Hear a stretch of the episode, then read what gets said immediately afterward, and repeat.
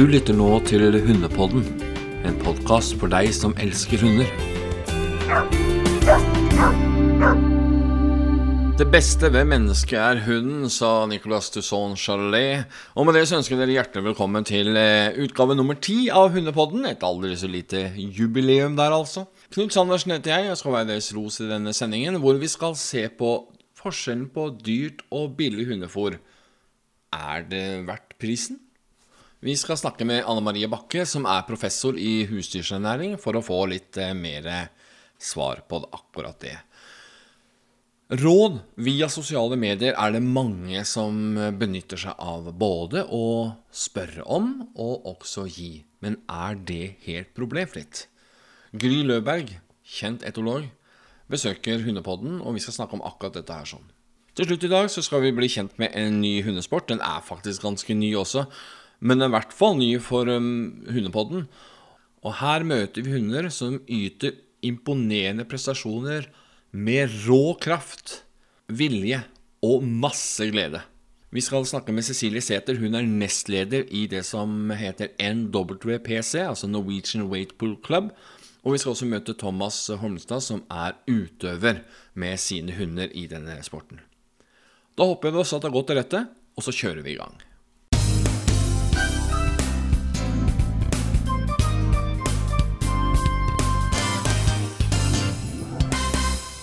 Det er to ting som får hundefolk til å la seg hisse opp mer enn noen annet, og det er diskusjon om hundefôr og diskusjon om hundetreningsteknikker. Vi skal snakke om begge disse to sakene i dagens sending, men først ut er hundefôr. Og for å få et ordentlig svar på det, så har jeg tatt kontakt med Anne Marie Bakke. Hun er veterinær og har doktorgrad i husdyrernæring og underviser veterinærer og dyreopplæringsstudenter i hunde- og katteernæring ved Norges miljø- og biovitenskapelig universitet, altså det som var da gamle veterinærhøgskolen. Anne Marie Bakke, hjertelig velkommen skal du være. Tusen takk. Dette her med hundefôr, for å få litt mer greie på hva slags hundefôr er som er best for hunden. Hvis vi begynner så generelt, da, hva, hva vil du si? Ja, alle, alle veterinærer som har spesialisert seg på en eller annen måte med ernæring, vil jo råde hundeeiere og katteeiere om å fôre med et kommersielt eh, preparert hundefôr. Eh, og hvilke av de som er eh, best, det er forferdelig vanskelig å, å si sånn generelt. Det er det individet som egentlig avgjør, for det er nok spredning da, kan du si, i, i behov, i næringsstoffbehov hos, hos enkelte hunder, og også mellom hunderaser som gjør at eh, det ene fôret kan være bedre enn det andre. Og den forskningen som eventuelt viser, er, at både disse dyre fôrene og de som man kjøper i dagligvareforretning, de er omtrent like. Alle har lest de samme tekstbøkene osv. om hundeernæring. Så du sier nå at det, det er ganske likt innhold i de forskjellige merkevarene innenfor tørrfôr? Det er det. Det er en, en, et visst antall forskjellige fòrmidler som finnes på verdensmarkedet.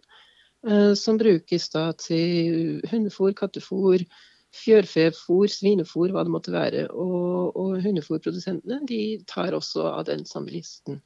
Selvfølgelig har jo hunder, og spesielt katter, kanskje noe høyere proteinbehov enn en andre husdyr. Men allikevel så vil en proteinkilde fra planteverden være også god som proteinkilde eh, sammenlignet med fra kjøtt, f.eks. De, disse melkevareprodusentene de gjør jo sitt for å skille seg ut, da, på en måte danne eh, sitt eget brand. Og, og, og dermed så blir man kanskje lett som forbruker litt forvirra når man kommer i butikken og ser at det er så ufattelig mange varianter. Og ja. du har liksom en pakke som da er for den type hunder, og så en annen pakke som er for den type hunder. Og så, og så sier du nå at det er ganske likt innhold i alle sammen? Det, det vil jeg påstå. Det, det, kan man faktisk se hvis man ser på ingredienslistene på de forskjellige fôrene. Og ja, selvfølgelig er det veldig mye markedsføring som eh, De har jo ganske store budsjett, går jeg ut ifra, disse forskjellige fôrprodusentene på, på markedsføring. Og de bruker forskjellige taktikker, da, eh, strategier for markedsføring. Og vi, vi, mennesker vi liker jo variasjon, men det kan jo også føre til en del forvirring. Særlig hvis man ikke setter seg ordentlig inn i saken og, og kan litt om ernæring da, i, dette, i dette tilfellet. Men er tørrfôr som er eneste ernæringskilde, er det godt nok for en hund? Det er det jeg bruker. Men dette her med, med uh, tørrfôr kontra f.eks. annenfôr, da. Vi har jo uh, en norsk fòrprodusent bl.a. Uh, som heter Vom Hundemat, som da produserer annen type hundefôr. Det er jo, fint jo flere av det. Ja. Hva, hva, er forskjellen der? Forskjellen er at jo, de er jo stort sett frosne produkter.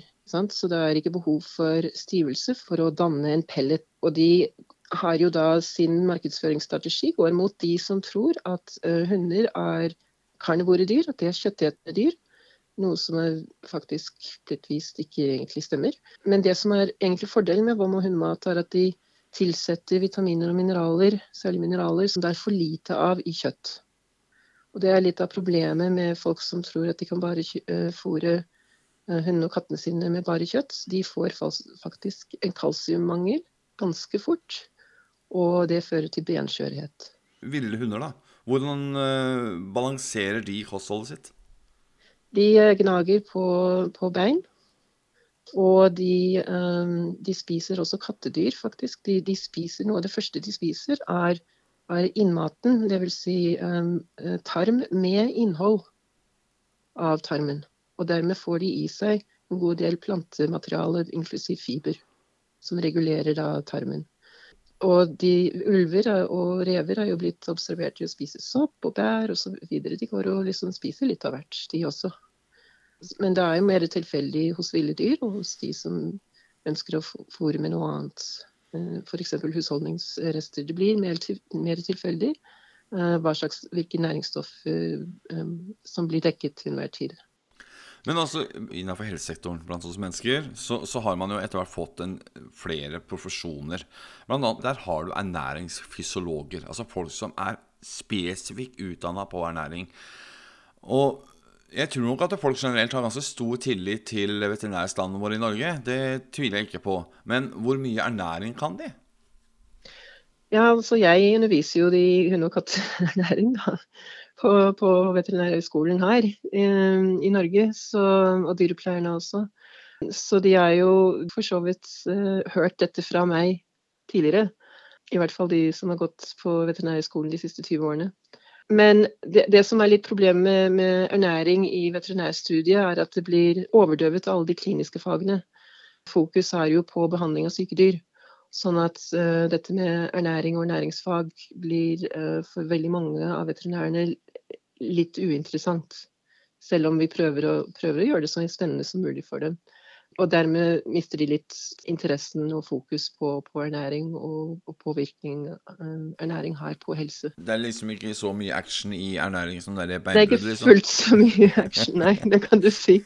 Det er litt touch, det, det, må, det er litt matematikk som kommer inn i bildet osv. Så, videre, så det blir litt sånn Det kan være ganske frustrerende å se, ja, å se at studentene er litt lite interessert i dette. men, men, du nevnte en ting, at disse uh, ulike fôrprodusentene er ganske like. Betyr det at det er en standard som de må følge av innholdet i uh, sine produkter? Det er no, noe retningslinjer, noe lovgivning som, uh, som er førende på, på hva innhold osv. Men um, mest er det anbefalinger. Og dette gjelder også varedeklarasjon og informasjon som er oppgitt på, på pakkene osv. Men, men det, som, det som er kanskje mest interessant oppi dette her, er at de følger jo med på konkurrentene sine hele tiden. Og de er jo ute etter å lage et godt nok fôr så billig som mulig. Sånn at, og, og selge den for så mye som mulig. Ved å kjøpe de dyre merkene, så støtter man eh, kanskje noe forskning og utvikling osv. Så som, som firma, de firmaene driver med. Det er én faktor som påvirker prisen på produktene deres. Men generelt, altså den, den ingredienslisten mellom billig og dyr hundefôr er slående lik. Men hvem er det som kontrollerer innholdet i, eh, i de pakkene? Hvordan, hvordan skjer det? Jeg tror ikke det er så veldig uh, mye kontroll som foregår. Det er jo noe Mattilsynet driver jo noe, noe overvåkning også på, på fòrsiden til, til, alle dyr. Og det har jo vært en del skandaler eh, hvor, hvor man har tilsatt en del nitrogenholdige produkter for å øke sporbar nitrogen, og dermed liksom et, som er en pekepinn på hvor mye protein som er i fòrvarene. Men disse tingene blir jo avslørt etter hvert. Og, og, og det er en stor risiko hvis uh, fôrprodusentene gjør noe regelrett uetisk, fordi da mister de et kundegrunnlag. Så jeg ville påstå at, at de er ganske, ganske hederlige, egentlig. Sånn i, i, produkt, i, hva de tilsetter produktene deres. Så, så, nå kommer det jo også ut uh, en del publikasjoner på på bruk av PCR, altså sånne molekylære metoder, for å se på hva som faktisk er brukt av proteinkilder i, i hund- og kattefôr. Og det er jo ganske interessant at man kan finne ut om det er lam eller kylling eller kanin eller fisk uh, ut ifra molekylære metoder. Se på gen, genekspresjon i fôrene. Så, så, de vil bli avslørt etter hvert fra, av uh, uavhengige forskere som, som driver med sånne. Det er ganske interessant det du sier, for de ofte så reklamerer med at uh, dette hundeporet smaker lam, dette hundeporet smaker laks. Det er jo svært liten mengde med lam eller laks i de fôrene, altså. Ja, det, det, er det, fordi det er jo dyrt, da, selvfølgelig. Men det er alltid noe kjøtt, i, i, i hvert fall i alle de uh, fôrmerkene som jeg driver og titter på av og til, så er det alltid noe kjøtt. Og det sikrer at de får en god aminosyrprofil eh, eh, i fôret. At de essensielle aminosyrene blir dekket. Men man kan også bruke protein fra andre kilder, f.eks. fra planter. Og det er også en veldig god proteinkilde. Og det, det skal man ikke glemme. Det, det gjelder alle, alle, husdyr, og for mennesker også. For så vidt vegetarianere f.eks. De får i seg stort sett nok, eh, nok protein. Og med bruk av plantematerialer. På Skavlan så hadde den svenske overlegen og professoren i klinisk bakteriologi, Agnes Wold, hun var gjest der. Og hun øh, vakte litt oppsikt med sine kommentarer om at hundenes kosthold er blitt for rent. At hunder nå begynner å utvikle allergi som følge av dette. Er det noe hold i det? Altså Blir industriell mat for rent for dyra? Jeg vet ikke riktig hvordan jeg skal svare på det, og hva hun mener med rent. Det, det, er, litt sånn, det er litt vanskelig å vite. Eh, det er jo en ganske lang ingredienslister i kommersiell eh, hundefôr. Så det, det, er jo en ganske god spredning da, i forhold til hvilke type fôrråvarer som hundene får i seg. Når en, sier rent, altså hvis det, det har med hygiene å gjøre og bakterier osv., så, videre, så det er jo en teori hos mennesker i hvert fall at de som er for opptatt med å ha det rent rundt seg, at de har større risiko for å utvikle allergi. Dvs. Si at tarmen har, eh, og immunsystemet vårt har jo behov for å bryne seg litt på bakterier, virus osv. som er rundt omkring i miljøet. Hvis immunsystemet ikke har nok tilgang til, til dette her, så, så, vil det respondere for mye da, f.eks. med en allergi uh, eller en intoleranse på et eller annet tidspunkt. Så det er en teori som er ute i, uh, særlig blant humanmedisinere, da, uh, om utvikling. Hvorfor vi har mer uh, At allergi er et større problem nå enn det pleide å være, f.eks. Ja, for jeg vet at det er en del hundefolk som bevisst kan uh, slenge et bein til bikkja, og så la bikkja få lov til å spise det mens han ligger ute i gresset, f.eks. Bare for å få i seg andre ting enn at det bare blir helt krystallreint, eller ja. Ja, eksempel. Mm. Altså, um, altså, men det, det, må man jo se litt an på. Altså, enkelte hunder er jo litt, uh, har litt følsom magetarm ikke sant? og får litt lett diaré eller kaster opp osv., så sånn som min Grand Noir. Jeg lar, henne, jeg lar, ikke henne drikke av vann i sølepytter osv., fordi det, jeg har sett sammenheng mellom det og at hun får uh, diaré senere. Så det er liksom, det må du se litt på individet. Og det må man gjøre hele tiden med ernæring osv. Hva som funker for din hund. Men hva med matrester til middag, da? Altså, kan, kan det utnyttes som hundefôr? Jeg vil ikke si at det kan utnyttes helt og holdent 100 da, som, som næringsstoffkilde for, for, hunder. Da blir det litt for tilfeldig, som jeg nevnte tidligere. Uh, de har jo et forholdsvis høyt kalsiumbehov, og det å få kjøtt, så som sagt, så vil de få en kalsiummangel etter hvert.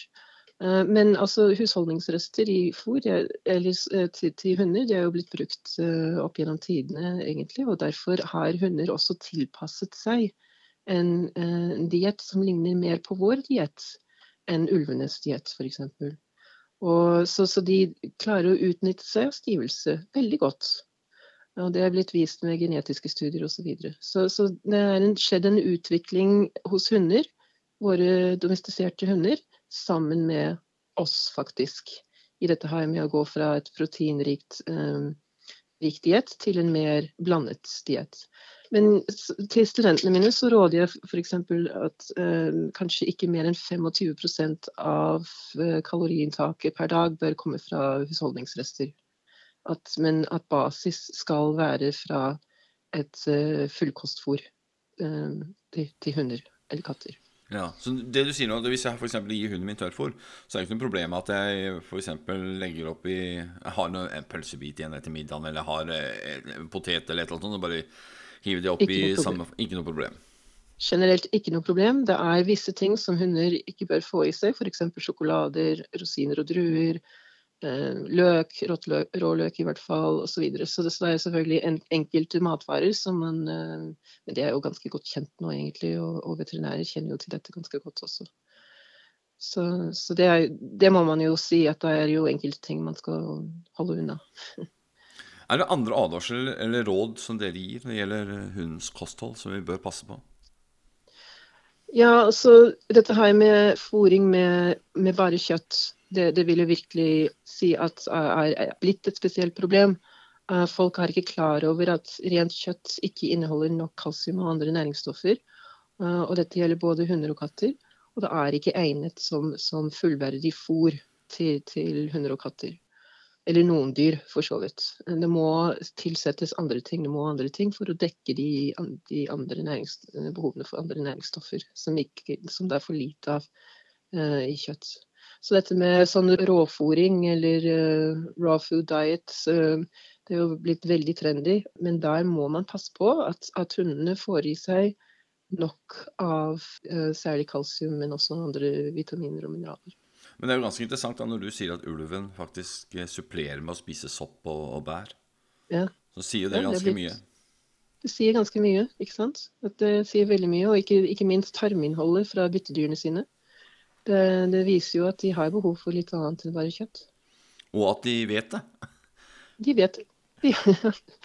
det vet de veldig godt. Jeg vil litt tilbake til det med tørrfòrprodusentene, som da fremholder hver for seg fortreffelighetene sine.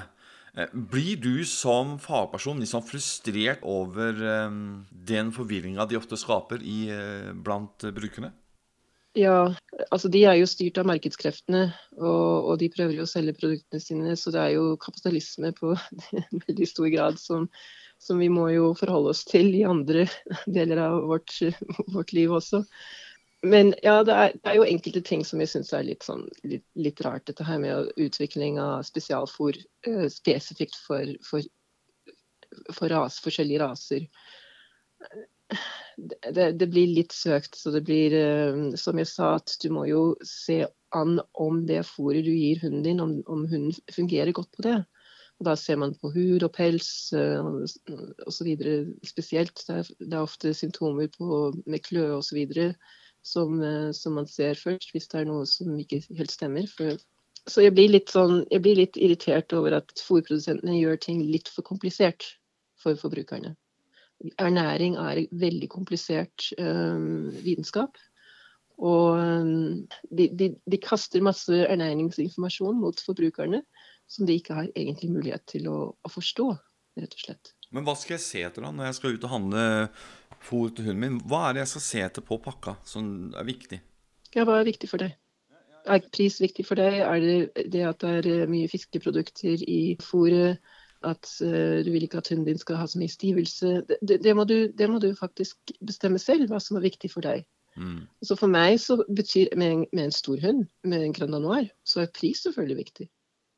Ikke sant? Fordi de spiser jo ganske mye per dag. Så da, da ser jeg litt på pris, må jeg innrømme. Apropos det her med å spise mye. Eh, overvekt blant eh, hunder har jo vært et økende problem. Absolutt. Hva skyldes det? Det, det skyldes jo først og fremst overfòring og for lite mosjon. Samme som hos mennesker. Det er enkelte ting man kan gjøre for å forebygge overvekt, og det er først og fremst å passe på at valpene ikke blir tykke. Fordi hvis, du, hvis valpen først blir tykk og danner nye fettceller, så blir prognosen, altså den sannsynligheten for å ha en slank individ som voksen, mye, mye dårligere. Så du skal styre mattilgangen, fòrtilgangen til, til, valper, slik at de ikke blir tykke. Du skal kunne kjenne ribbeina på dem til enhver tid. Ikke nødvendigvis se dem, men i hvert fall kunne kjenne dem godt når du stryker hånden over og dytter litt på ribbeina. Så det er jo noe av det viktigste for å forebygge overvekt. Og ellers så er det Du må faktisk lese litt på pakningen hvor mye fôr anbefales for en hund i din vektklasse. Og, og pass på at du fôrer så mye.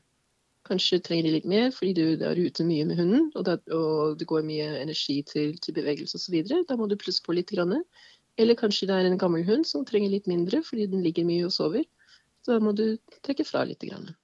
Men du må alltid passe på dette her. Men dette her med fôringsrutiner. Jeg ser jo det at noen de gir jo ofte hunden én porsjon om dagen. Ja. Og så har du andre som lar fôret få lov til å stå framme hele dagen. Ja, altså det, Du kan godt la uh, fôret stå fremme hele dagen, men du bare pass på at, uh, at hunden ikke får i seg mer fôr enn det som anbefales per dag. Ikke sant?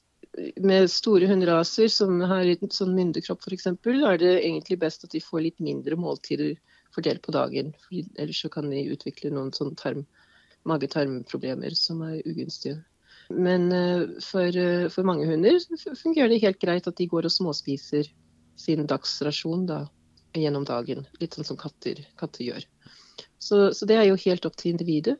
Du har jo glupske hunderaser, holdt jeg på å si. Eh, retrievere og beagler, som vi vet er litt matvrak. De må man passe på. Altså. Da er det best med porsjonsfòring. Hvis vi skal konkludere ut fra det samtalen vi har hatt nå. Det betyr ikke så veldig mye hvilket tørrfôr du tar. Det er omtrent det samme innholdet i alle sammen. Men må, prøve, ja, men du da må prøve å finne ut hvem som kanskje hunden din liker, og hva som gir best effekt på hundens pels og osv. Riktig. Riktig. Dette her med kosttilskuddernæring, da. Vi har jo en del folk som putter tran oppi, eller som putter en del olje for å få blank pels og sånne ting. Hvordan ser du på det? Det er jo helt greit. Og fiskeolje um, er jo gunstig med omega-3-fettsyre osv. Og, så og det, det, har en gunstig effekt på enkelte uh, hudsykdommer f.eks. Og, og hjertekar osv. Det vet vi jo egentlig veldig godt alle sammen nå. Men de trenger litt og mye hjelper ikke mye. Det er doseavhengig. Sånn at, og dette gjelder alle næringsstoffer, egentlig. Det må være riktig dosering for å dekke behovet. Men jeg bruker ofte litt uh, fiskeolje uh, sånn rundt i våren og høsten når, når hunden, hunden røyter, f.eks. Det virker som det hjelper litt med, med røytingen. Og, og, de får jo blankere pels osv. Så, videre, så Så jeg har ikke noe imot det. Problemet er egentlig tran kanskje. Det, den jo, inneholder ganske mye A- og D-vitamin. Og Der må man være litt forsiktig, fordi A- og D-vitaminer, som er fettløselige vitaminer, de kan lett overdoseres. Så, så, tran må man være litt mer forsiktig med. Det er bedre å gi en fiskeolje som ikke inneholder A- og D-vitaminer. Og så tenkte jeg på en ting. Altså Hunden har jo da 1700 smaksløker, mens vi har vel mm. rundt 9000, har ikke det?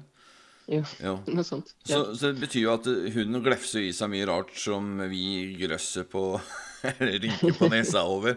Eh, og det, det, må man bare akseptere. Sånn, sånn, ja. det, er, det, er, biologisk forskjell på oss uh, hunder og mennesker. Absolutt. Mm. Ja.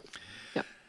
Ja, men Tusen takk skal du ha, Bakke, for at du var med. Det her var veldig oppklarende på flere områder. Så håper jeg at det også hjelper lytterne til å ja, roe ned kanskje mye av den der uh, usaklige debatten som finnes på sosiale medier angående hundefôr. Tusen takk skal du ha. Ja, det, det håper jeg. I like måte.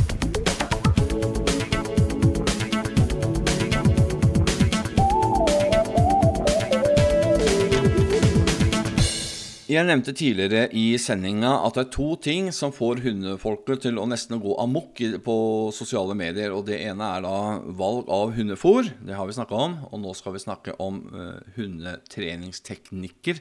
Og dette her med at veldig mange ber om råd på sosiale medier. Jeg har sett uh, med skrekk og gru både på hva folk spør om råd om, og de svarene de har fått. Og jeg har jo mange ganger tenkt med meg sjøl at uh, Gudskjelov for at det ikke er den hunden som eh, er på en måte den som skal ta imot alt dette her sånn til slutt. En som jeg har stor tillit til, er Gry Løberg. Hun er etolog og er ekspert på dette her da med dyreatferd. Gry, du er også kjent fra både VG og fra TV-programmer. Når, når, du nå hører om det og ser det som skjer på sosiale medier, bekymrer det deg også? Ja, det gjør jo egentlig det. Fordi Eh, man spør jo åpent der ute eh, om råd, og rådene kommer jo Det kommer masse råd haglende, eh, og rådene kan jo også sprike i alle retninger. Og rådene kommer jo ofte fra ukyndige personer. Ikke nødvendigvis bare det, men ofte så gjør det det. Og da er det Spørsmålet kan være én setning, og så kan svaret være to setninger. Og så skal man liksom endre et atferdsproblem på bakgrunn av det, det kan være skummelt. Eh, for det første så er det jo ikke sikkert at man selv har sett hva atferdsproblemet egentlig er.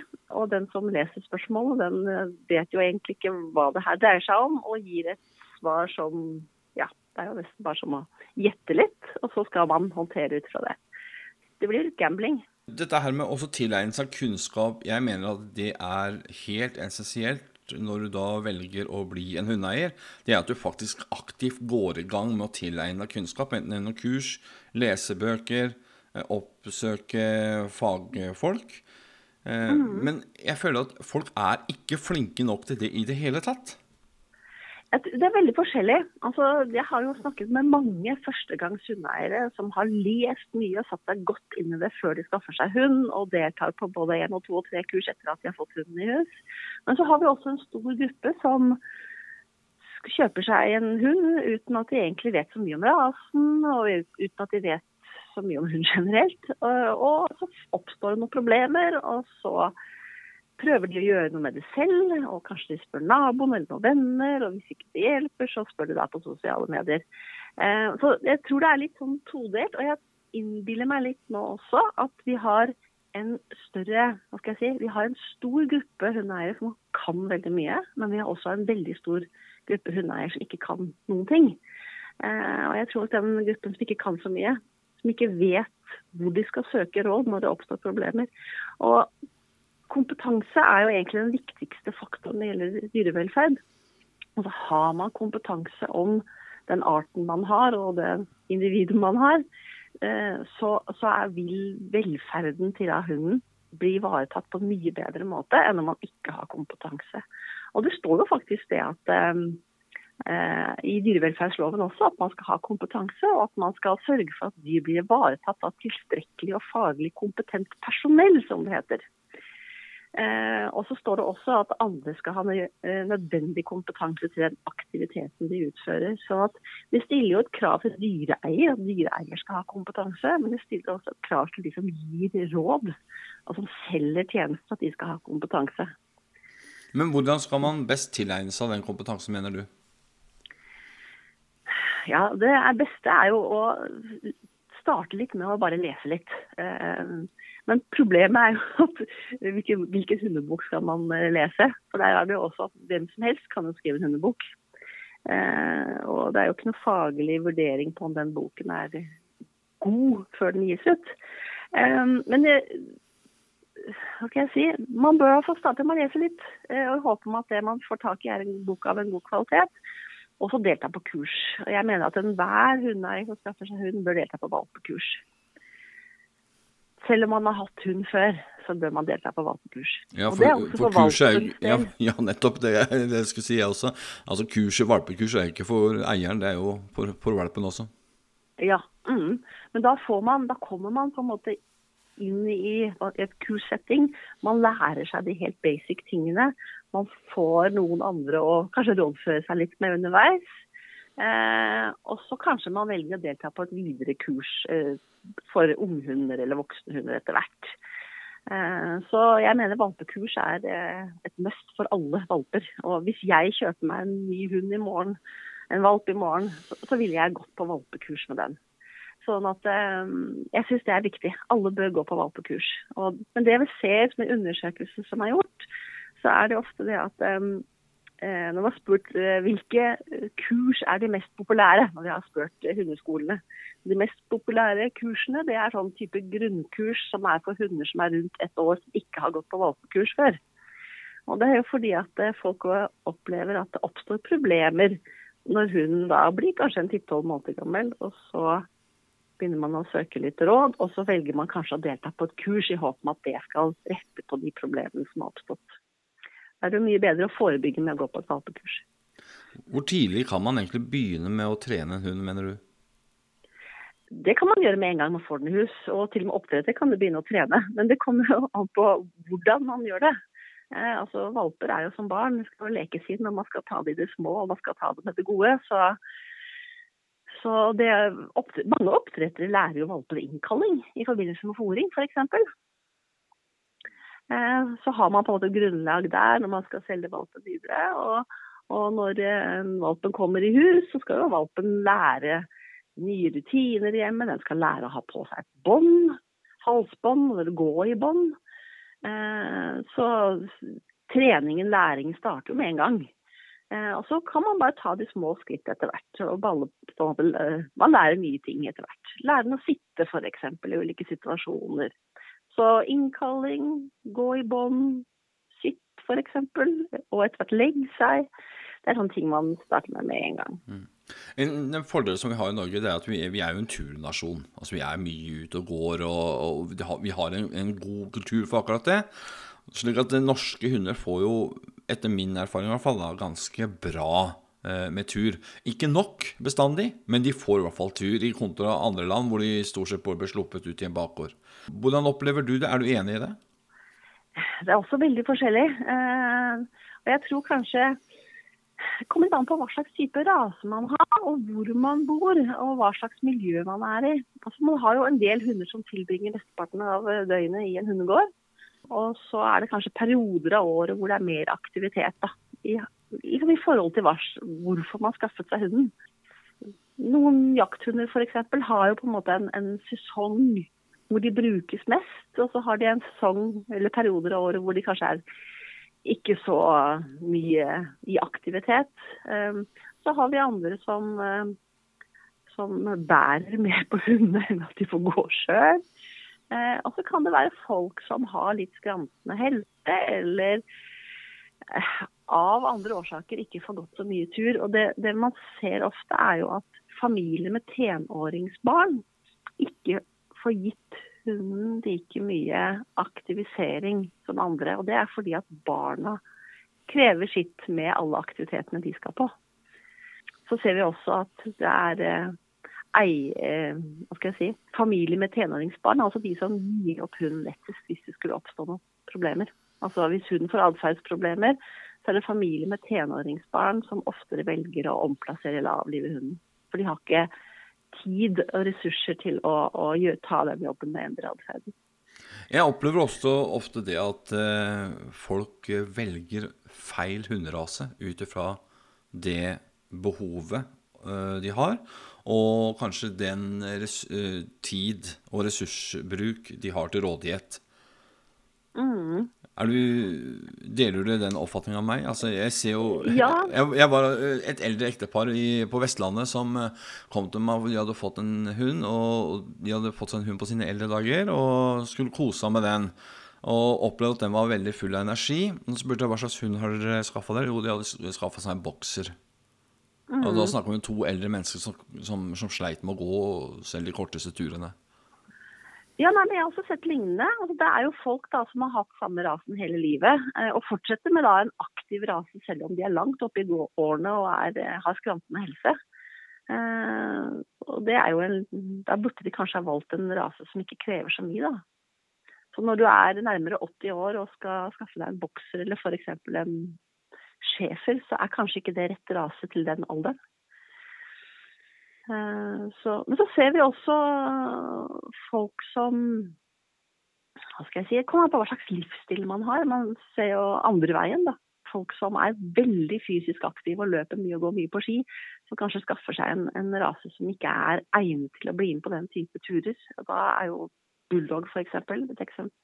De har jo kort nese og problemer med temperaturregulering i kroppen og sånt. Man får ikke til å delta ordentlig. Er du bekymra, Gry, når du ser utviklinga av hunderasene? Eh, vi hører jo stadig om at eh, en del hunder blir mer og mer ekstreme i utseendet. Og at det er på en måte en eh, utstillings... Altså, skal jeg si, det er, på en måte så er det ofte utstillinger da, som, som driver utvikling av enkelte hunderaser. Mm. Ja, for det går jo også, De skal se ut som et eller annet i forhold til en standard. Eh, og så går det på bekostning av fokus på atferden. Altså, hvis en, eh, et individ har gjort det sabla bra på utstilling, men har en atferd som ikke egner seg som en familiehund, så avler de på den allikevel. Men det folk legger mest merke til i hverdagen når de har en hund, er jo atferden til hunden. Om den har ett øre opp og ett ned eller feil farge, er ikke så farlig. Det er atferden man legger mest merke til. Så jeg syns at man skal legge et mye større fokus på atferd. Jeg vet at Kennelklubben også jobber med den biten der. Eh, men hva, de, de, hva, slags system de lander på for å evaluere det, det vet jeg ikke ennå. Men eh, jeg vet at det, det, jobbes med det. Så jeg håper at det, det blir satt ut i livet. Også at oppdretterne tar det mer alvorlig. Uh, dessverre så er det jo typisk da innenfor miniatyrhundavlen så har det jo blitt veldig populært med, med, små hunder. Og da er det jo flere som ser seg sitt nytt og tjener masse penger på det. Prisen er høy, og man avler jo over en lav sko på hva som helst. Ja, eh, Jeg har jo fulgt eh, hundekjøringsmiljøet i, år eh, spesielt. Og der syns jeg det er befriende å høre de som, som driver da med oppdrett av Alaskan husky osv. Og, de sier at utseendet betyr ingenting. Det eneste som betyr noe her, sånn, det er lynnet og det, treningsiveren, og ja, at, at, den fungerer som en løpshund. Jeg syns det, det, er deilig å høre. jeg. Ja, for da, da, får du som resultat av det, så får du hunder med en si, funksjonell, normal atferd. Og du får hunder med en funksjonell, normal kropp. At det er god helse, god kropp, god atferd for å kunne prestere på den måten de gjør. Så hvis du fokuserer på at hun skal fungere i hverdagen, om det skal være som familiehund eller sledehund eller jakthund. Hvis barn fungerer greit, og så har man det som utgangspunkt, så får man velfungerende hunder med god helse. Når folk kommer til deg med problemer, hvilke problemer er det som oftest går igjen da? Det er aggresjon i møte med andre hunder på tur. Det er det vanligste problemet. Eh, og der har vi kombinasjoner av årsaker. Det er for lite eller uheldig erfaring med andre hunder tidlig i livet som er den viktigste årsaken. Og så har vi en uh, avlsmessig sak også bak det, eller arvelig, arvelighet bak det. Noen raser har ofte det problemet enn andre. Eh, helt til slutt, eh, Gry, før vi runder av. Dette her med menneskeliggjøring av hund Ser du det som uh, atferdsterapeut noen ganger? At, at vi legger menneskelige følelser og menneskelige tolkninger inn i hundens atferd? Ja, men jeg syns det er bra at vi gjør det til en viss grad. Det er den der berømte gylne middelvei. Um, det, vi må hva skal jeg si, menneskeliggjøre litt for å kunne forstå at en hund som er redd, ikke har det noe godt. Eh, hvis vi ikke hadde kunnet sette oss inn i hvordan vi tror hunden tenker og føler, så vil vi heller ikke i like stor grad ta hensyn til at den ikke har det bra. Eh, men så er det at hvis man kan ta den for langt, da, så kan man tro at de har de samme behovene og tanker og meninger som det vi har. Og så kan det i seg selv gå utover velferden til hunden. Så mm, litt menneskeliggjøring er viktig for dyrevelferd, men for mye det kan gå utover dyrevelferden igjen. Ja, for du har dette her, når, som du sier at hunden er redd, f.eks. Dette her med å håndtere en hund som er redd, og det å håndtere barn som er redd. Det er to forskjellige ting. Fordi at eh, barnet trykker jo ofte inntil deg, løfter opp på armen og trøster det. Og på en måte eh, viser at her er det trygt, og jeg passer på deg. Mens på hunden så gjør du det, så kan du tvert imot gjøre vondt verre. Sier man, ja. Men uh, det er jo, det, er jo det samme. Altså, en, en, hund som er redd i en situasjon og søker støtte og trygghet, må jo få den støtten og tryggheten. Hvis du avviser hunden når den er redd, og den ikke får trygghet, så vil den frykten med større sannsynlighet øke. Eh, mange sier at du skal ikke trøste hunden, for da belønner du frykten. Eh, det, altså når, når, vi jobber med følelser, emosjonelle tilstander, så er det assosiasjoner rundt situasjonen som er den, på en måte den viktigste og sterkeste læringseffekten. Eh, ikke straff og belønning, men det er assosiasjonene. Så hvis hunden får en positiv assosiasjon til den situasjonen ved at den får støtte, så vil det hjelpe hunden på riktig vei. Istedenfor at den får en negativ assosiasjon ved å bli avvist når den er redd. Eh, men så er det jo sånn som man også har sett mot barn. Noen barn kan jo f.eks. Uh, bli skremt, og så kan mor eller far bli enda mer skremt fordi barnet blir skremt. ikke sant? Overreagere og gjøre situasjonen mer voldsom enn det den egentlig er. Og så kan jo det få negativ utslag igjen. Og på samme måte også hvis en hund som blir redd. Så hvis eieren av hunden overreagerer og gjør situasjonen mer voldsom enn det den egentlig er, så kan det få den motsatte effekten, at hunden da blir mer redd neste gang. Mange sier jo at hunden får en bekreftelse for at dette her er virkelig en farlig situasjon. Så at eieren må jo da eh, beholde roen og, og, være rolig og gi trygghet og støtte. Og ikke si 'å, stakkars deg, og dette var skummelt og farlig', og 'ho, ja, dette er farlig'. Da, får, da, da blir det bare verre. Så, og så er det dette med fysisk kontakt også. Fysisk kontakt det jo, bidrar jo til å, å, produsere et hormon som heter oksytocin, som er et tilknytningshormon, som også bidrar til trygghet. Så det å komme i den fysiske kontakten, det, det kan for mange hunder være veldig viktig for å klare å mestre en situasjon hvor de er redd. Helt til slutt, Gry. Eh, her, nå har vi snakka litt om dette her med å gi råd. Eh, hvordan eh, opptrer du? Du, altså, du er en fagperson, og jeg har også snakka med andre fagpersoner også. De, det er ikke sånn at du buser ut med råd med en gang folk ber om råd hos deg. Og du gjør det ikke fordi at ikke du vil gi råd, men tvert om at du vil sette deg grundig inn i situasjonen før du gir et råd, og ikke bare på en linje over sosiale medier. Ja, for det er så mange som f.eks.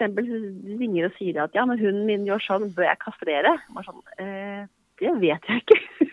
Det er så mange forutsetninger eh, som ligger bak hvorfor hunden gjør som den gjør.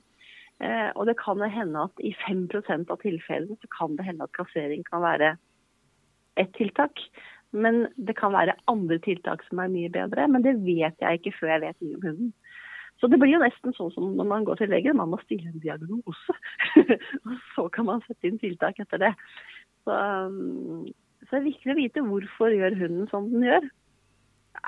Eieren opplever at hunden ja, eksempelvis bjeffer i møte med andre hunder på tur.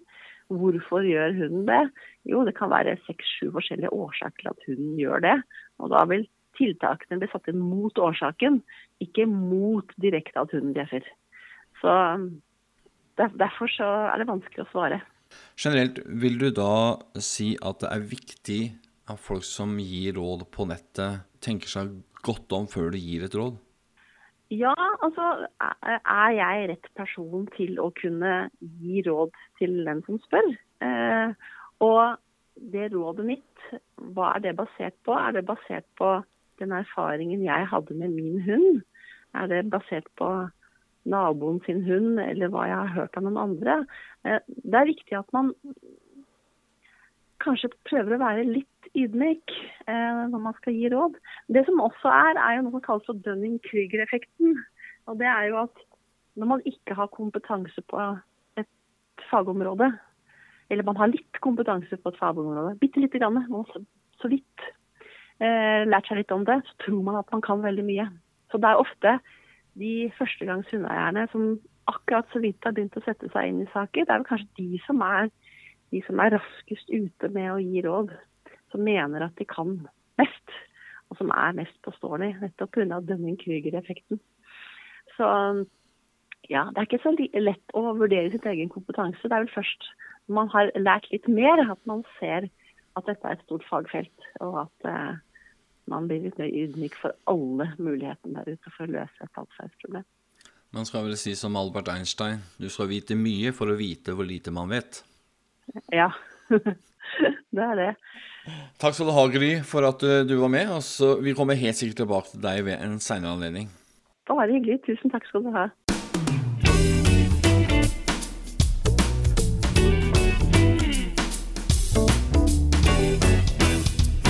Nå skal vi over til en hundesport eh, som det knytter seg både muskler og eh, Ja, det er ganske macho hele greia, sånn i, i hvert fall når man ser det fra utsiden. Nå gjenstår det å se, da, for at den jeg skal snakke med, det er Cecilie Sætre, så allerede der så begynner vi å treffe en feminin side av den klubben. Og det vi skal over på, det er en ganske tøff hundesport, nemlig det som kalles for Norwegian Weight Pull Club. Altså, jeg vet ikke om det Cecilie, finnes det noe norsk ord for pull? Eh, nei, det, ikke som vi bruker i hvert fall. Så vi sier Waitful, eh, eller VP på korta, da. Ja, for vi må, vi må ikke bytte her med trekkhundeklubber, for det blir noe helt feil. Dette er jo hunder som for all del, de trekker jo som bare det, men de trekker jo langt større last. Kan du fortelle litt om klubben din? Hva, hva slags sport er det her? Waitful, eh, det er en eh, sport som handler om eh, at hund og handler eh, jobber i team. Og eh, vekttrekking er da øvelsen. Kan du sammenligne det på en måte med vektløfting for mennesker? ja, kan jo for så vidt det. for det er jo mye, akkurat som for en vektløfter, så er det mye hard trening både fysisk og mentalt som ligger bak før man entrer en konkurranse. Hvor mange utøvere er det som er i Norge? Vi har eh, per i dag 67 betalende medlemmer i eh, Hvor lenge har dere holdt på? NFPC ble startet uh, og drevet aktivt med OSBO-konkurranser i Norge siden 2010. Ok, Så det er en relativt fersk sport i Norge, altså? Det er det. Så i Skandinavia så er det vel Sverige som har drevet for lengst. Cecilie, jeg forbinder jo weightpool med muskler og power og rock'n'roll og gjerne heavy metal-musikk ved siden av osv. Men hvem er egentlig medlemmene av eh, NVPC?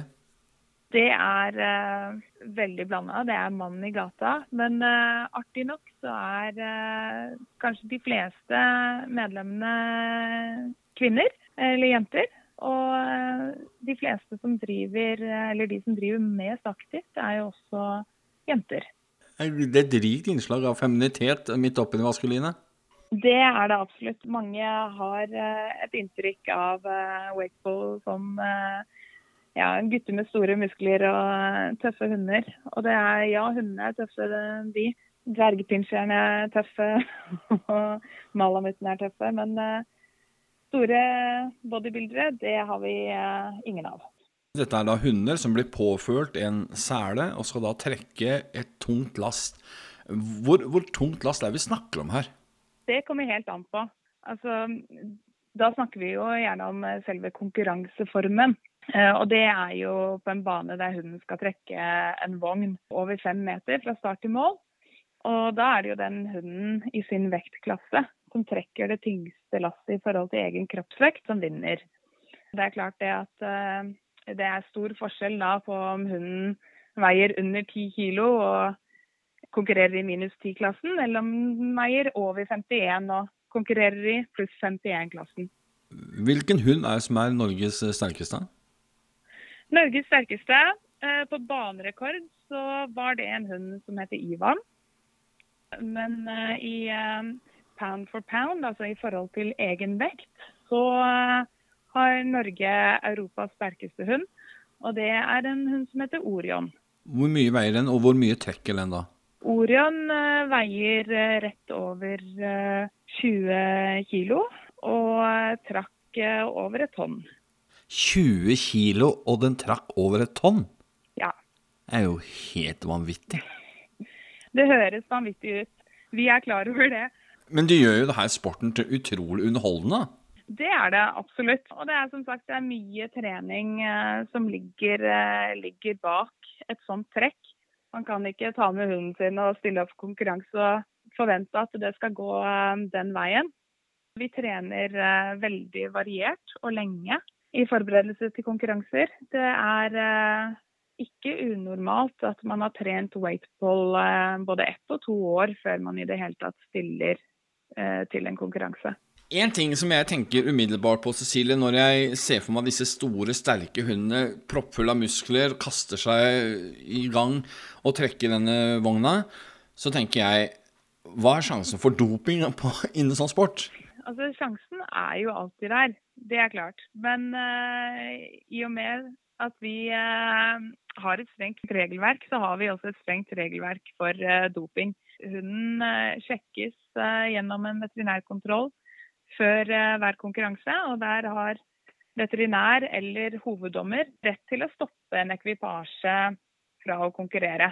Og det er fordi vi forsikrer oss om at hunden må være frisk. Og eier må også da svare for seg om, om hunden har fått noe smertestillende eller noen form for doping, så kan man ikke konkurrere. Kan det bli tatt blodprøver av hunden? Ja, det er det også. Vi eh, har det i regelverket at vi kan komme og ta blodprøver av alle hundene uten forvarsel. Dette her med samspillet mellom hunden og handleren, dere kaller for handler da, i sporten hos dere, hvor viktig er det? Det er det viktigste, vil jeg si. Du får ikke gjennomført et godkjent trekk om du ikke har god kontakt med hunden din. Vi eh, har eh, de fleste av oss som eh, driver med sporten, har opplevd dager der kontakten ikke er optimal, og der hunden ikke gjennomfører trekket. Enten at de blir stående eller snur seg, eller ja, venter på at tida går ut. Det kan være mange, mange måter for en hund å si at dette gidder jeg ikke i dag.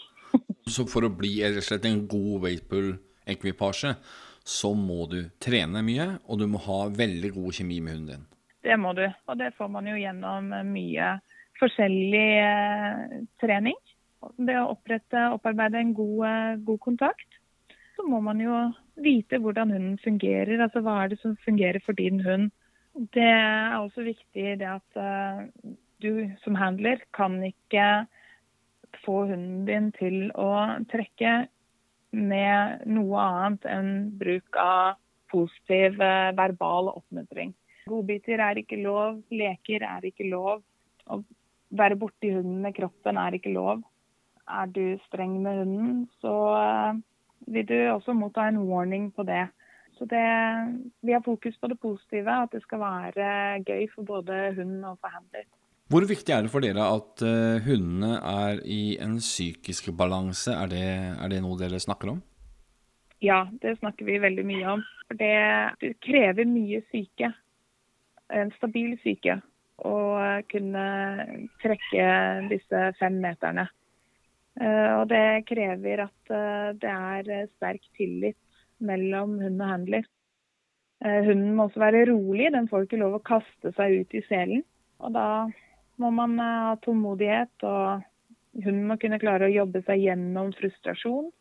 Mye som ligger i bånn der for å bygge opp en stabil uh, wetball-hund. Og så er vel det at når dere møtes, så er det mange hunder på én plass, og de skal jo også være i en slik forfatning at de kan forholde seg ganske greit til andre hunder.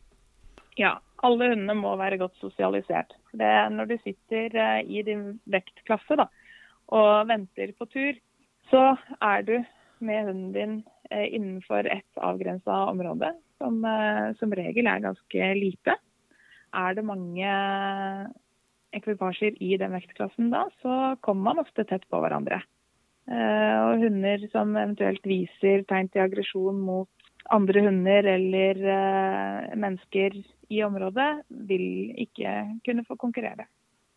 Vi skal snakke med Thomas eh, Homstad litt seinere i sendinga. Han er jo da utøver av sporten. Han skal fortelle litt om hvor tidlig de begynner og hva slags eh, metoder de bruker. Men uansett så er dette her en, en idrett som på en måte passer veldig godt kanskje til hunder som normalt ikke faller inn i andre hundesporter? Absolutt. Alle hunder er eh, velkomne i NEPC. Det spiller ingen rolle altså, hva slags rase det er, eller om det er blandingsrase, eller om hunden har uh, handikap. Det har ingenting å si så lenge hunden liker å trekke.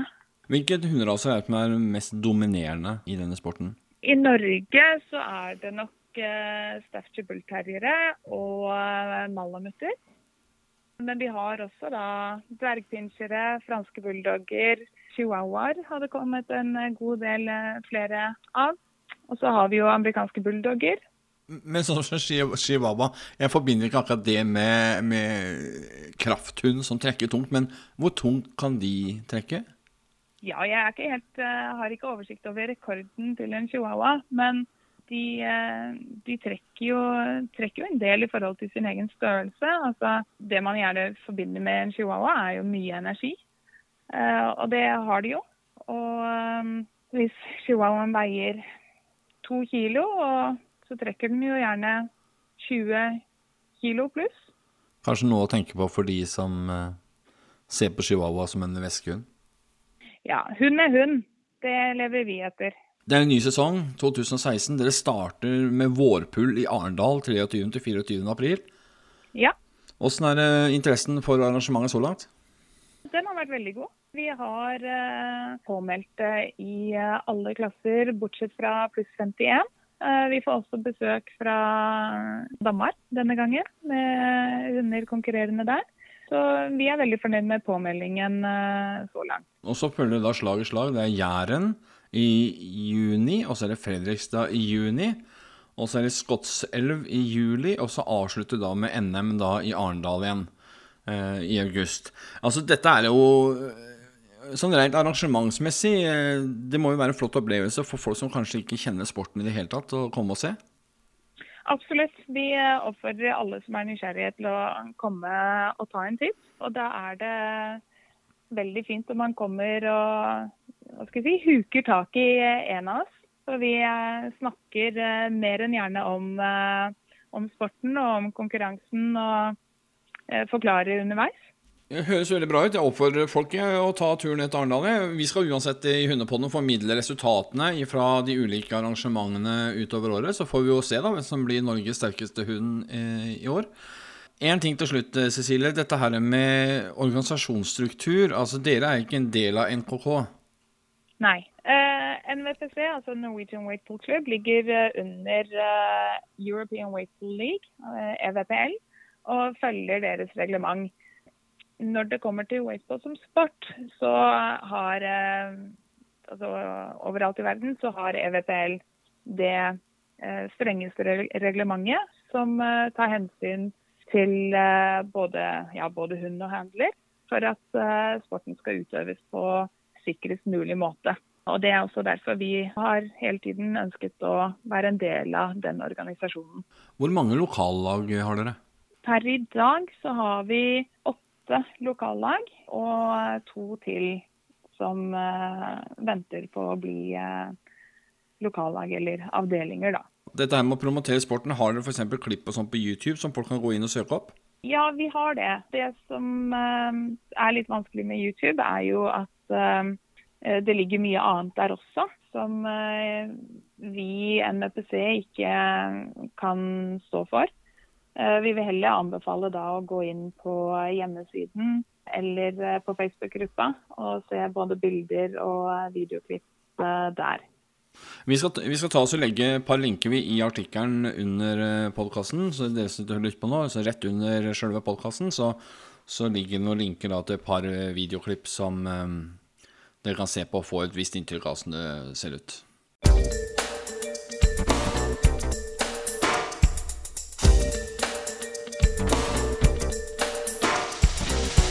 En av de som driver med Waitpool, er Thomas Wiig Holmedal. Han har ikke mindre enn fire hunder som han trener. Og Thomas, du er med oss nå. Hva slags hunder er du har, forresten? Jeg har to amerikanske bulldogger. En Staffordshire bullterrier og en Patterdale terrier. Trener du alle fire i, i Waitpool? Ja, jeg trener alle sammen. Men konkurrerer kun med to foreløpig. Vi konkurrerer med, med dem når vi føler at de er klare. Og når er det? Når du merker at de liker å trene og liker å, å, jobbe. Nye hunder kan jo være litt uh, ukjente da med sporten, kan du si. Det er ikke alle det faller helt naturlig på med en gang. Når, når, du sier at du trener med hundene, Hvordan gjør du det? Vi eh, trekker kjetting over korte, korte avstander f.eks. Har en, eh, en eh, skreddersydd sele på som er kobla til et tau og med et lodd i enden, som da er kjetting da, som vi bruker. Eller så bruker vi vogn, men det bruker vi gjerne ikke i starten. Hvor tidlig kan du begynne med det her? Wakepool er veldig mye lydighet, så det starter vi helt fra de har valp, med å lære dem å bli vant til lyder og lære dem å bli vant til bevegelser og, som de kan oppleve da på en Wakepool-bane. Ja, for Jeg har sett noen instruksjonsvideoer på YouTube. Jeg har jo forsøkt å sette meg litt inn i hva det går ut på det her. Og da ser jeg det at eh, de trekker jo så bare pinner etter seg. Altså Det er jo så vidt det er vekt på det i det hele tatt. Ja, stemmer. Når de er unge, så, så trekker de bare, de trekker bare noe som lager lyd, rett og slett. Det skal ikke veie noe. Så når de kommer opp igjen eh, ett et år til ett og et halvt år, da begynner de å legge på litt sånn gradvis vekt. da. Så Hundene skal være fullvokste før de trekker eh, såpass mye vekt at det har mye å si. da. Når du sier fullvokste, hvor gamle er de da? Det kommer an på åssen raset er, egentlig. Noen hunder vokser, vokser jo blir fullvokste tidligere enn andre. Men de får ikke lov å konkurrere før de er ett og et halvt år. Men vi anbefaler jo at gjerne de største hundene, at de ikke konkurrerer før de er oppe i to år.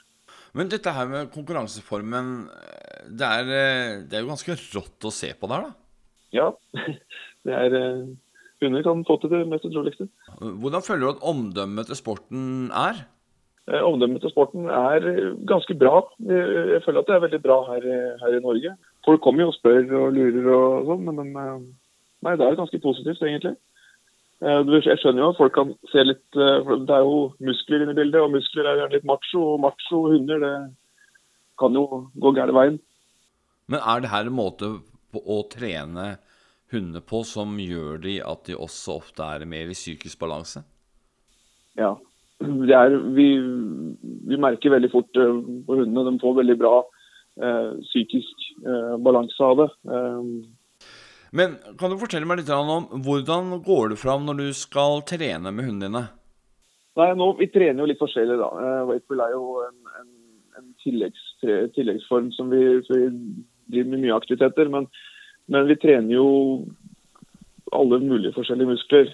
Vi trener kortdistanse kjettingtrekk. Vi, driver med løp, og vi går jo vanlige turer. Og, og vi trener flørtball er det noe som heter, som eh, vi trener med. Så ja, det er litt forskjellige treningsmetoder. Da trener vi kjetting sånn ca. én til to ganger i uka. Og vogn en gang i uka. Cirka. Det kommer litt an på hunden. Ja, for jeg har hørt at det er ganske mange forskjellige treningsmetoder for å bygge muskelmasse. Jeg vet at det er noen som trener bl.a. i sandtak, og lar bikkjene få løpe i sandtak f.eks. Ja, det gjør vi også en del. Vi trener, eh, vi tar med hundene til sandtak og lar dem løpe opp og ned. Eh, gjerne også svømming. Det er også veldig fin trening. Allsidig, altså?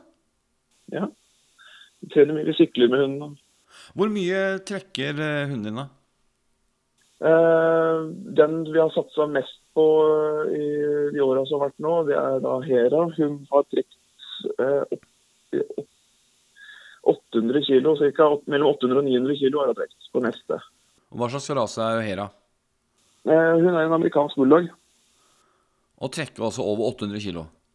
Ja, stemmer. Det gjorde hun på, på, EM i fjor. Men hvordan er det regnes ut dette her sånn? Altså Det går ut fra at store hunder trekker selvfølgelig mer enn små hunder. Men er det noen matematisk formel som dere bruker, eller? Vi, eh, Hundene er delt opp i, i, i, ni forskjellige klasser etter hvor tunge de er. Og eh, da trekker de selv om de er i de klassene, så trekker de etter sin egen vekt. Så en, en, en hund på, på 12 kg kan eh, Hvis den trekker mindre enn en hund på 13 kg, så kan den fortsatt vinne. da. For dette er oppimot sin egen vekt. Nettopp. Men hvor tung er Hera? Hera er 30 kg. Og drar 880 kg? Ja. Det er jo helt sykt. ja, hun er sterk. Hun har, hun har vilje, vilje, viljen i gang. Så. Ja, for, for, dette det er veldig viktig i Vapool, nemlig samspillet mellom du som eier og, og hunden. Altså, hvis ikke det er lystbetont for hunden lenger, så, så streiker den? Stemmer. Dette er et samarbeid mellom, mellom hund og eier. og der eh, der er det tillit og det er, eh, og det er vilje i å trene og utføre oppgaven. Så det er et bra samarbeid.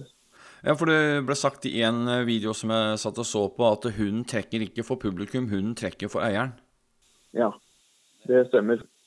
Ja, Det viser jo bare hvor sterkt det båndet må være for å få de gode resultatene. Men Hera skal jo ut i eh, ganske store mesterskap i år, da?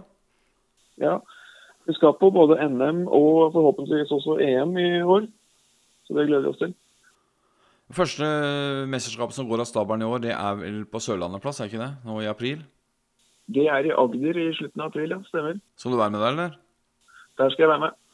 Da får vi følge med på resultatlisten derfra, for det skal vi eh, gjøre her i Hundepodden nå framover. Vi skal følge med på Vapool, og så skal vi formidle resultatlisten etter hvert som de kommer fra de ulike stevnene. Da ønsker jeg bare deg og Hera lykke til, og så sier vi tvi-tvi.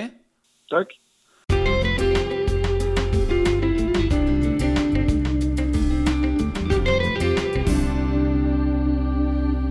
Det var det jeg hadde for denne gang. Tusen takk skal du ha for at du lånte øret til Hundepodden.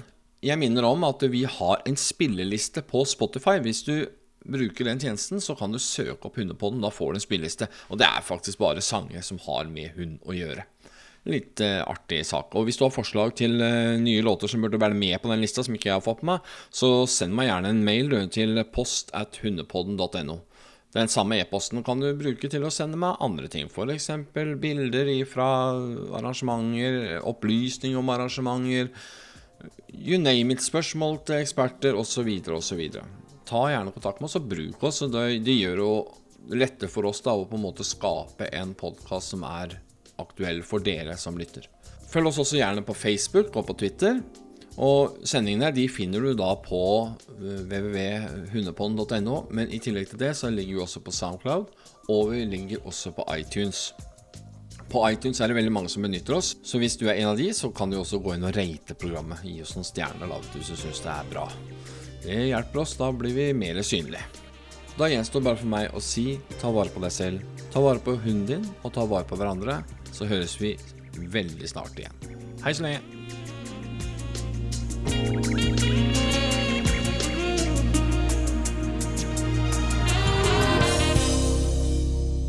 Denne sendingen er produsert av Case Media, og har du spørsmål om annonsering i sendingene, ta kontakt på 909 17 353, 909 17 353, eller en e-post til knut at hundepodden.no.